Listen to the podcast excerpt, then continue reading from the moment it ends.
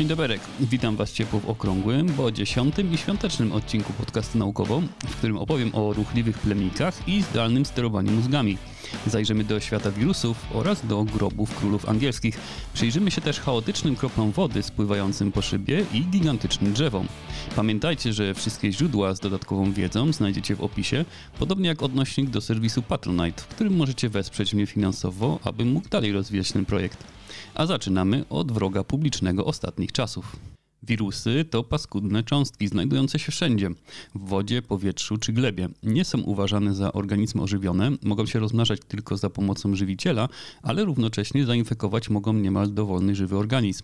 Jest ich cała masa. Szacuje się, że na Ziemi istnieje około 10 kwintylionów pojedynczych wirusów, to 10 do potęgi 31 i tyle wystarczy, aby 100 milionów razy przypisać jednego wirusa do każdej gwiazdy we wszechświecie. Na szczęście dla ludzi są też bardzo wybredne i bardzo mała ich część stanowi jakiekolwiek zagrożenie dla ludzi. Większość nowych chorób wywołanych przez wirusy to choroby pochodzące od zwierząt. Uważa się, że same ssaki i ptaki są nosicielami około miliona 700 tysięcy nieodkrytych typów wirusów. Oczywiście wirusy nie mają łatwo, muszą spełnić wiele warunków, aby namnażając się wyjść poza pierwszy zainfekowany organizm. Wiele czynników musi być też spełnionych, aby przenieść się z jednego gatunku na inny. Ważne są nie tylko częstotliwość kontaktów zwierząt z ludźmi, sposoby rozprzestrzeniania się wirusa, czas przez jaki wirus może przetrwać poza organizmem gospodarza, czy skuteczność, z jaką wirus może pokonać układ odpornościowy, ale także pogoda czy lokalne niedobory żywności. Trudno szacować dokładne liczby, ale zdecydowana większość przypadków przeniesienia wirusa ze zwierzęcia na człowieka prawdopodobnie kończy się zakażeniem, które nie przechodzi dalej niż poza pierwszego zakażonego osobnika. Gdy wirus przedostanie się do organizmu, przyczepia się do cząsteczki, która jest przymocowana do zewnętrznej części komórki człowieka, trochę jak klucz w zamku. Im lepsze dopasowanie, tym większe prawdopodobieństwo, że patogen będzie miał dostęp do wnętrza komórki, a przez to będzie mógł się powielać. Znamy ponad 200 wirusów wywołujących choroby u ludzi i wszystkie one są zdolne do przedostania się do ludzkich komórek.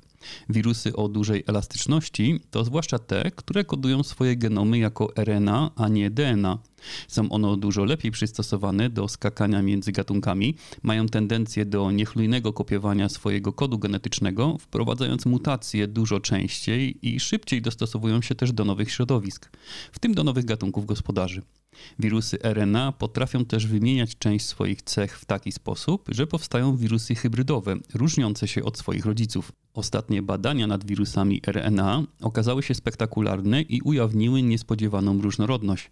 Analiza materiału genetycznego w oceanie pozwoliła zidentyfikować tysiące nieznanych wcześniej wirusów RNA i podwoiła liczbę grup biologicznych wirusów, o których istnieniu sądzono.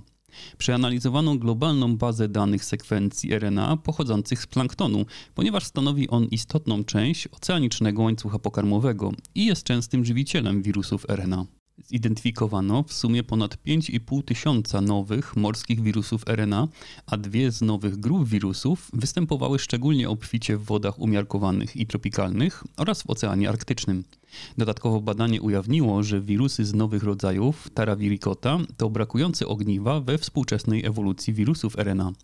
Te nowe wirusy pomagają naukowcom lepiej zrozumieć nie tylko ewolucję wirusów, ale także ewolucję wczesnego życia na Ziemi oraz to, jak wirusy wpływają na środowisko i sieć pokarmową na poziomie chemicznym. Ale dość o paskudztwach, teraz zajmiemy się przyjemnymi kroplami wody malowniczo spływającymi po szybie. Pamiętam, że jako dziecko często bawiłem się w łapanie takich kropel albo w przewidywanie ich ruchu. Wydaje się, że zachowują się one w sposób chaotyczny i nieprzewidywalny, spływając pod wpływem grawitacji po gładkiej tafli szkła. Zgodnie z dotychczasowym rozumowaniem, ruch kropel jest podyktowany lepkością i zjawiskami występującymi na linii styku, ale te dwa efekty nie są w stanie w pełni wyjaśnić złożonych ścieżek ślizgających, uderzających się wzajemnie i łączących się kropel. Problem wydaje się być dziecinnym wymysłem, ale nauka i technologia zaadaptowały modyfikację powierzchni tak, aby zapobiec przywieraniu kropel do tekstyliów, utrzymać przejrzystość szyb okiennych i okularów podczas deszczu. Ma to również zasadnicze znaczenie w powlekaniu, malowaniu czy rozpilaniu środków owadobójczych i chwastobójczych. To od powierzchni zależy, czy powstanie kropla o kształcie kulistym czy płaskim, a podczas ruchu kropli także w jej wnętrzu występuje tarcie pomiędzy poszczególnymi cząsteczkami wody, co również wpływa na sposób, w jaki się porusza. Wątpliwości naukowców budził przede wszystkim fakt, że krople poruszają się z różną prędkością po powierzchni, nawet jeśli podłoża mają identyczną powłokę, na której nie należałoby się spodziewać żadnych różnic. Nowe badanie dowodzi, że na ruch kropel na podłożach zasadniczy wpływ mają siły elektrostatyczne.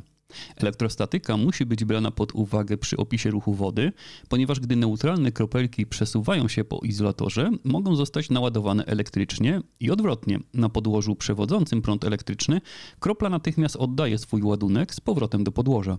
Ładunek taki wpływa bezpośrednio na zachowanie się kropli wody i jej ścieżkę na powierzchni. Wyniki te mogą poprawić kontrolę nad ruchem kropel w wielu zastosowaniach, od drukowania do mikroprzepływów. Co ciekawe, opracowane są też projekty mające na celu generowanie energii elektrycznej z ruchu kropli wody. Taka forma pozyskiwania energii hydrowoltanicznej bez ruchomych części może być stosowana przez małe urządzenia w odległych rejonach poza siecią energetyczną lub jako generatory awaryjne. Sprawność takiego rozwiązania jest jednak nadal zbyt niska, aby mówić o komercyjnych zastosowaniach, ale takie badania pomagają poznać lepiej fizykę wody i mogą wpływać na rozwój technologii technologii, która często pojawia się w odcinkach podcastu. W poprzednich audycjach opowiadałem Wam m.in. o tym, jak pozwala ona przekształcać fale mózgowe na przykład na pismo. Ale czy da się zrobić coś odwrotnego? Czy za pomocą technologii można sterować mózgiem i bezpośrednio wpływać na jego działanie? Nauka o kontroli umysłu rozwija się w zawrotnym tempie.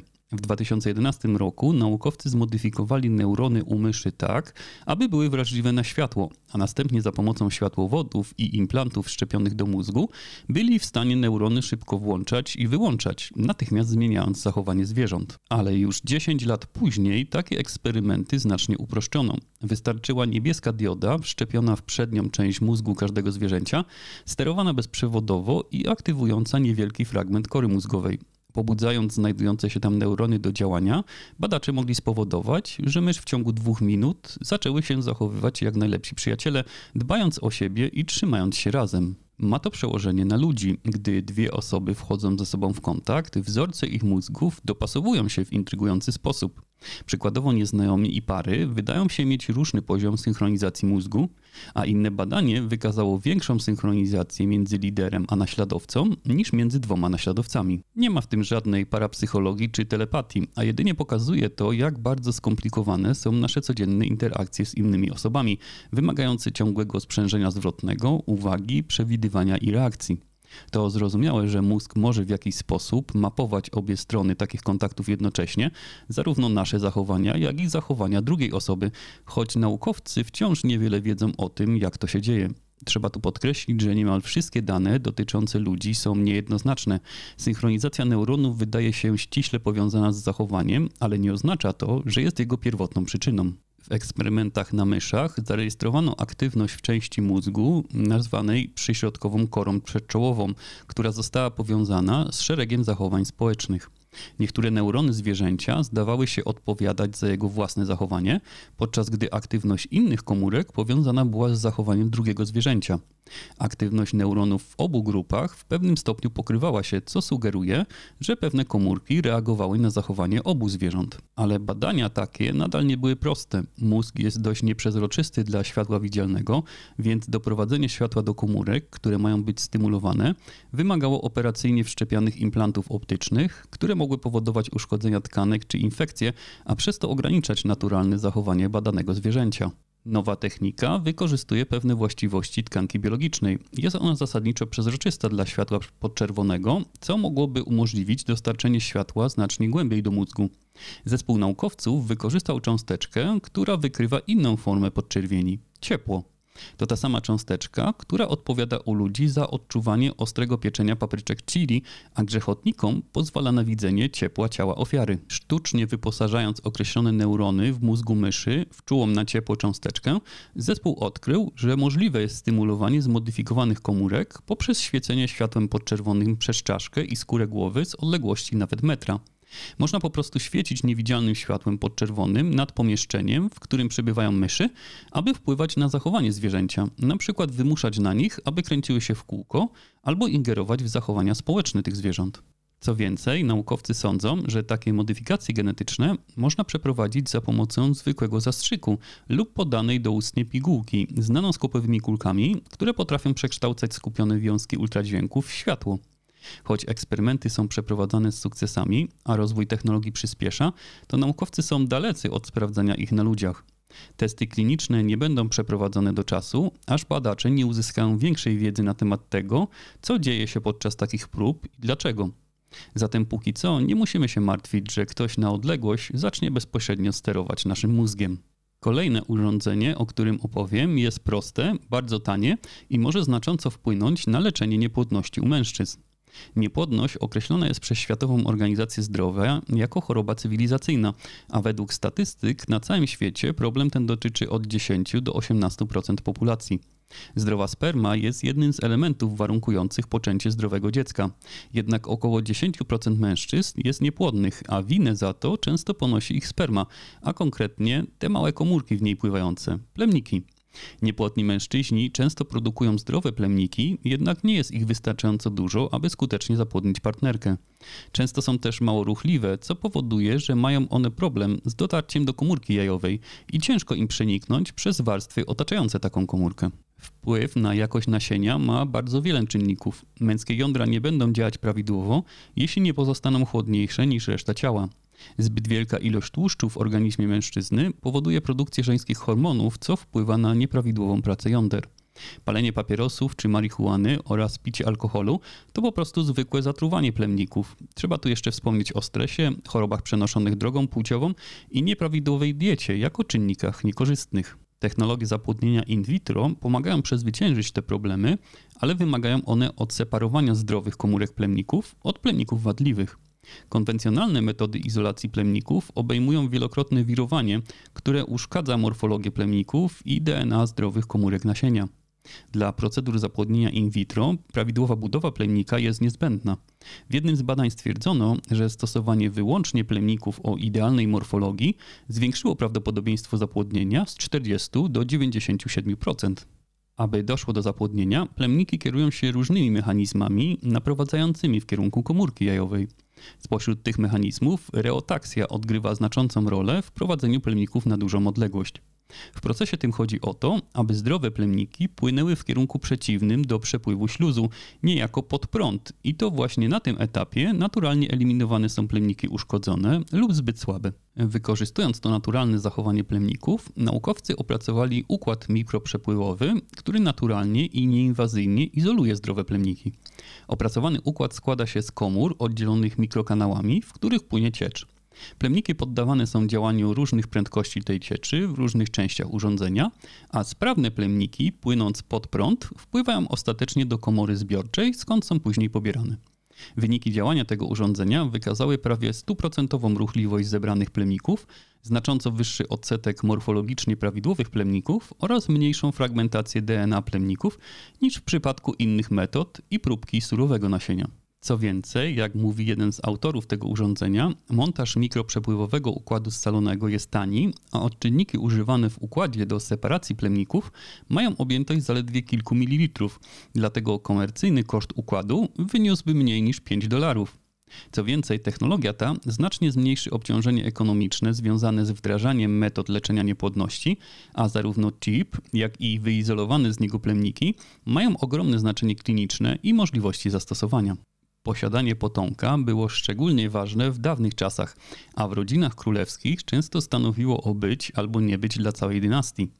Nowe badania przeprowadzone w Wielkiej Brytanii ponownie analizują dowody archeologiczne z mało zrozumiałego okresu z historii tego kraju między końcem panowania rzymskiego a późnymi królestwami anglosaskimi, czyli tradycyjnie opisywanego przez legendy o królu Arturze. Artur rzekomo był Brytyjczykiem i chrześcijaninem i choć większość historyków uważa, że król Artur w rzeczywistości nie istniał, to historie o nim mogą być zlepkiem z opowieści o wielu innych królach i królowych panujących w tamtym czasie. A były to czasy, w których Wielka Brytania była domem dla mnóstwa królestw o różnej sile i wielkości. Rdzenni, celtyccy władcy kontrolowali zachodnią i północną część wyspy, podczas gdy germańscy lub anglosascy najeźdźcy zajęli tereny na południu i na wschodzie. I tu pojawiła się archeologiczna zagadka. Skoro wiadomo, że w tym okresie żyło wielu brytyjskich królów, to dlaczego prawie żaden z ich grobów nie został odnaleziony? Ówcześni anglosascy władcy chowani byli z honorami w zarezerwowanych dla rodzin królewskich ozdobnych grobowcach z bogatym wyposażeniem grobowym, od złotej biżuterii po broń i zbroję. Symbolizowało to wysoki status społeczny i religijny. Natomiast chrześcijańscy Brytyjczycy mogli postrzegać to jako praktykę pogańską i dla swoich władców urządzali pochówki skromniejsze, bez wyposażenia grobowego, w prostych grobach, bez kamiennych inskrypcji i na wspólnych cmentarzach. Ale takie groby można odróżnić po specyficznym umiejscowieniu. Większość z nich jest położona w centrum prostokątnych lub kwadratowych zagród, które dawniej mogły być odseparowane i ogrodzone płotami lub bramami, które nie przetrwały do naszych czasów. Nowa analiza grobów w około 20 miejscach pochówków w zachodniej Anglii i Walii, w tym we współczesnych hrabstwach Somerset i Cornwalli, pozwoli być może ujawnić nawet 65 grobów królów brytyjskich z okresu między V a VI wiekiem. Dalsze prace archeologiczne mogą bardzo przyczynić się do pogłębienia wiedzy o tamtych czasach. Niejako z przeszłości pochodzą też pewne stare, ogromne rośliny. Sekwoje nadmorskie to niezwykłe drzewa, które naukowcy badają od pokoleń. Wiemy, że są najwyższymi żyjącymi drzewami i przetrwały tysiąclecia opierając się pożarom i szkodnikom. Ponieważ sekwoje są długowieczne, duże i odporne na rozkład, to lasy, w których dominują, magazynują więcej masy, a więc prawdopodobnie także więcej węgla niż jakikolwiek inny ekosystem na Ziemi. Okazuje się, że sekwoje mają dwa rodzaje liści, które wyglądają inaczej i wykonują zupełnie inne zadania. Ta nieznana wcześniej cecha pomaga drzewom przystosować się do warunków zarówno wilgotnych, jak i suchych, umiejętność, która może być kluczem do ich przetrwania w zmieniającym się klimacie. Gdziekolwiek rosną drzewa, prędzej czy później ich liście ulegają zamoczeniu. Dla drzew rosnących w wilgotnym środowisku może to stanowić problem, jeśli warstwy wody zakryją ich aparaty szparkowe. Te maleńkie pory umożliwiają przedostanie się dwutlenku węgla do liści, dzięki czemu drzewo może łączyć go z wodą w celu wytworzenia tkanki roślinnej w procesie fotosyntezy. Drzewa rosnące w suchym środowisku wykorzystują krótkie okresy zwilżenia liści do pobierania cennej wody bezpośrednio przez powierzchnię liści, a także przez aparaty szparkowe. Jednak niektóre drzewa, w tym sekwoje nadmorskie, żyją zarówno w środowisku wilgotnym, jak i suchym, przy czym występują u nich duże różnice sezonowe. W przypadku drzew liściastych, takich jak dąb, to wyzwanie związane z sezonową wilgotnością jest stosunkowo łatwe do pokonania. Ich aparaty szparkowe znajdują się na osłoniętych spodnich stronach liści, dzięki czemu nie przepuszczają one wody, podczas gdy wierzchnie części liści chętnie wchłaniają wodę. Jednak sekwoje to drzewa iglaste o cienkich, płaskich i giełkowatych liściach, które potrzebują innego sposobu równoważenia konkurencyjnych celów, jakimi są pochłanianie wody i ochrona przed nią. Okazało się, że pędy z osi środkowej mają liście, które wchłaniają wodę trzy razy szybciej niż liście zewnętrzne. Kiedy naukowcy zajrzeli do wnętrza liści pod mikroskopem, ze zdziwieniem odkryli, że są to dwa zupełnie różne rodzaje liści. W przeciwieństwie do liści centralnych, liście zewnętrzne sekwoi mają woskowe powierzchnie z dużą liczbą aparatów szparkowych. Dalsza analiza wykazała, że liście osiowe sekwoi stanowią jedynie około 5% całkowitej powierzchni liści drzew i produkują bardzo niewielką ilość energii w procesie fotosyntezy, ale ich udział w całkowitej zdolności absorpcji wody przez drzewa wynosi wynosi około 30%. Te dwa rodzaje liści równoważą sprzeczne wymagania fotosyntez i absorpcji wody, dzięki czemu sekwoje mogą rozwijać się zarówno w środowisku wilgotnym, jak i suchym. Na podstawie pomiarów drzew na dużą skalę i równań służących do szacowania powierzchni liści sekwoi, naukowcy oszacowali, że mogą one wchłonąć aż 48 kg wody w ciągu pierwszej godziny, gdy deszcz zwilży ich liście. To równowartość 101 kufli piwa. Zrozumienie, jak rośliny regulują gospodarkę wodną, może pomóc nie tylko w ich ochronie, ale także w zrozumieniu, jak natura przystosowuje się do zmian klimatycznych. I to już wszystko na dziś. Dziękuję Wam bardzo za uwagę i za wysłuchanie dziesiątego już odcinka podcastu naukowo. Życzę Wam wspaniałych, ciepłych, rodzinnych i radosnych świąt wielkanocnych. Do usłyszenia w środę.